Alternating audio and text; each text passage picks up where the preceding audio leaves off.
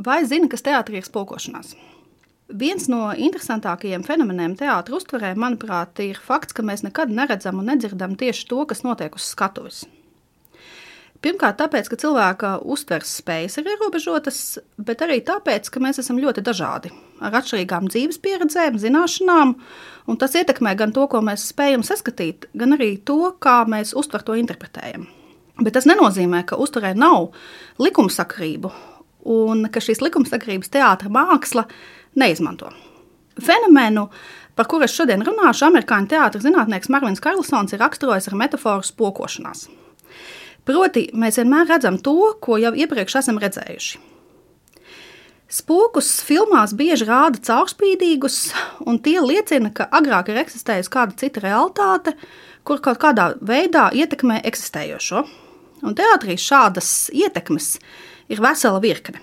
Es minēšu tikai dažus piemērus. Iedomāsimies, ka mēs skatāmies klasikas iestudējumu. Tādas lūgas interpretāciju, kam ir slavena vēsture, ko skatos mēs esam redzējuši vairāk kārt.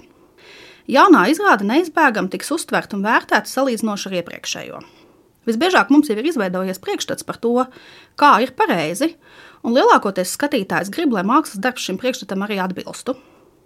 Ja mēs skatāmies izrādi, kurā spēlē kāda zvaigzne, mūsu skatīšanās pieredze ļoti maina zināšanas par viņa radošo biogrāfiju, to, ko viņi jau ir spēlējuši, kā viņi tiek vērtēti.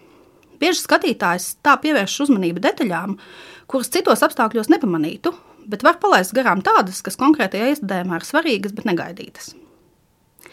Visbeidzot, reizēm spūkošanās kļūst arī par iestudējumu tēmu, kad bijušais tiek speciāli konfrontēts ar esošo.